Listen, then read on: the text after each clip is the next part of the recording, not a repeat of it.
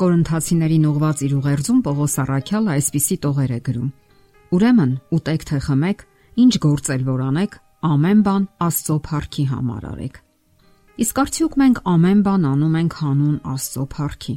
Արդյոք մեր տաղանդները, ընտունակություններն ու ունակությունները օգտագործում ենք հանուն Աստծո փառքի հայտնության։ Եվ վերջապես, արդյոք մեր բոլոր օժտվածություններն ու հնարավորությունները օգտագործում ենք մերձավորների բարօրության համար։ Այստեղ բնականաբար առաջանում է մեր ընտունակությունների հարցը։ Ինչ տաղանդներ եւ հնարավորություններ ունենք մենք եւ ինչպես ենք դրանք օգտագործում։ Իսկ միգուցե մենք վատնում ենք դրանք հենց այնպես, սպառում ենք մեր հնարավորությունները սխալ նպատակների վրա եւ կամ պարզապես ոչնչացնում ենք սխալ կենսակերպի ու վարքի պատճառով։ Եվ ահա այստեղ ուշագրավ դիտարկումներ են արել գիտնականներն ու համապատասխան ոլորտի ուսումնասիրությամբ զբաղվողները։ Պարզվել է, որ կապ գոյություն ունի տաղանդի եւ առաքինության միջև եւ այն էլ ոչ քիչ։ Շատ գիտնականներ են համակարծիք այն հարցում, որ վաղ սեռական կյանքը բացասաբար է անդրադառնում ստեղծագործական ունակությունների վրա։ Բազմաթիվ նշանավոր մարդիկ գիտակցաբար ժուշկալ սեռական կյանք են վարել։ Ահա դրանցից մի քանիսը. Լեոնարդո դա Վինչի, մեծ նկարիչ, գիտնական եւ ինժեներ։ Իր կյանքում նա այնքան բան է ստեղծել, որ գործնականում դա անհնար է թվում մեկ մարդու համար։ Ինչ էլ որ նա նախաձեռնել է, ինչի մեջ էլ որ ցանկացել է առաջ գնալ, համարյա կատարելության է հասել։ Բոլորիս քաչայտնի Իսահակ Նյուտոնի անունը։ Դպրոցում մենք սովորել ենք նրա օրենքները։ Անգլիացի ֆիզիկոսը եւ մաթեմատիկոսը միայնակ անznավորություն էր, եւ դա կարծես օրհնություն եղավ աշխարհի համար։ Իսկ նշանավոր երաժիշտներ Բախը, Բեթհովենը, Շուբերտը Նրանք նույնպես երբեք ամուսնացած չեն եղել։ Կամ վերցնենք Աստվածաշնչի հերոսներից մեկին, Աստվածաբան եւ Ավետարանիչ Պողոս Արաքյալին։ Նա ամուսնացած չէր եւ իր ողջ կյանքը նվիրաբերել էր կրոնին։ Ճանապարհորդում էր եւ Ավետարանում, եւ նոր կտակարանի բազմաթիվ ուղերձներ պատկանում են նրա գրչին։ Հասկանալի է, որ ամուսնանալը բնականon երևույթ է, եւ համարյա բոլորն էլ երազում են ամուսնանալ։ Այս դեպքում եւս չպետք է շտապել եւ ամեն ինչ անել իր ժամանակին։ Հոգեբանները պնդում են, որ ամուսնության լավագույն տարիքը տղաների համար 25-ից հետո ընկա ժամանակահատվածն է, իսկ աղջիկների համար 20-ից հետո ընկած հատվածը։ Հետևաբար պետք չէ շտապել հարաբերությունների հարցում։ Ահա թե ինչու երիտասարդները մինչև այդ պետք է ակտիվ կյանք վարեն, կազմեն իրենց ծրագրերը, սովորեն, աճեն ու զարգանան։ Այդ ժամանակահատվածը էներգիայով, գաղափարներով ու ծրագրերով լեցուն ժամանակահատվածն է, որ հարկավոր է օգտագործել լավագույն ձևով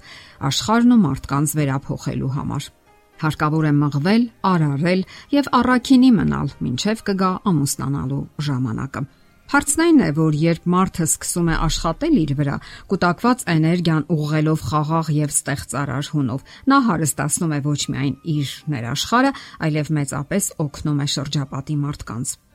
Աստվածաշնչյան հետևյալ օրինակները ցույց են տալիս, թե ինչպես էին վարվում հավատքի հերոսները եւ ինչպիսի օրինակներ են թողել Աստծո հետևորդների համար։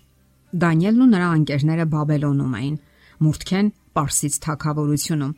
Նրանց կյանքը օրինակ է եւ լույս, որի պայծառ ճառագայթները շողշողացել են խավար թակավորական պալատներում։ Նույն կերպ Քրիստոսի աշակերտներն են լույս սփռում երկինք տանող ճանապարհին։ Նրանց միջոցով աշխարհը ճանաչեց Աստծո ողորմությունն ու բարությունը։ Աշխարհ, որ միշտ էլ պատված է եղել խեղաթյուրված անկալման ծանր խավարով։ Տեսնելով նրանց բարի գործերն ու տաղանդները, նրանց առաքինությունը, շատերը դարձի եկան եւ փառավորեցին հորը։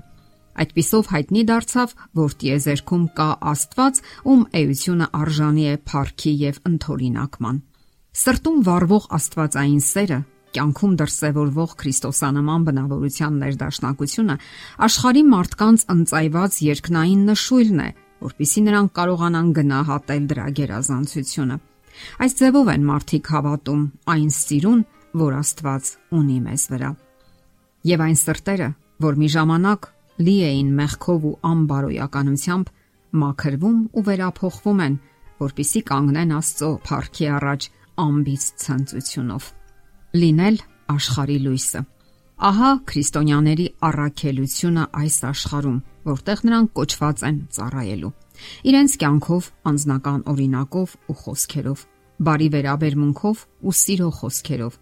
եւ վստահաբար կարելի է ասել, որ բոլոր դարերում Քրիստոսի հոգին, որ նրանցում էր, Աստծո ճշմարիտ զավակներին լույս էր դարձնում իրենց ժամանակում ապրող մարդկանց մեջ։ Այդպիսի օրինակ էր նաև Հովսեփը, որն Աստծո ճշմարտության ու օրենքի ջահակիր է եղել Եգիպտոսում։ Հեթանոսական ժողովուրդներին նա ծանոթացնում էր Աստծո հետ իր կյանքի օրինակով, իր բարոյական մաքրությամբ։ Նրա կյանքը Փարավոնի տանը առաքինության հիանալի օրինակ է։ Նա խուսափեց Փարավոնի կնոջ սեռական նկարտումներից եւ սանձարձակ մտքերից եւ դրա պատճառով անարթարության զոհ դարձավ ու բանտարկվեց։ Իսկ դուք ինչպես եք ապրում ձեր կյանքը։ Օգտագործում եք Աստծուց ձեզ տրված ընտունակությունները եւ արդյոք ձեր կյանքով կարողանում եք ներկայացնել Աստծուն։ Երբ Քրիստոսը բնակվում է սրտում, հնարավոր չէ ծածկել նրա ներկայության լույսը։ Նրանք, ովքեր իրենց Քրիստոսի հետևորդ են համարում եւ աշխարհի լույս չեն, կեղծ ձևով են ներկայացնում Աստծուն։ Եթե նրանք լույս եւ կյանքի օրինակ չունեն տալու, ուրեմն միացած չեն լույսի աղբյուրին, Աստծուն։ Մեկ անգամ եւս խորհրդացեք այն մասին, թե ինչպես եք ապրում ձեր կյանքը։ Ինչպես եք օգտագործում ձեր տաղանդներն ու հնարավորությունները ինչ օրինակ եք թողնում շրջապատին ձեր կյանքով։ Եվ կրկին հիշենք Պողոս Արաքյալի խոսքերը։ Ուրեմն, ուտեք թե խմեք, ինչ գործել որ անեք, ամեն բան Աստծո փառքի համար արեք։ Եթերում ղողանջ հավերժության հաղորդաշարն է։ Ձեզ հետ է Գեղեցիկ Մարտիրոսյանը։ Հարցերի եւ առաջարկությունների համար զանգահարել 033 87 87 87 հեռախոսահամարով։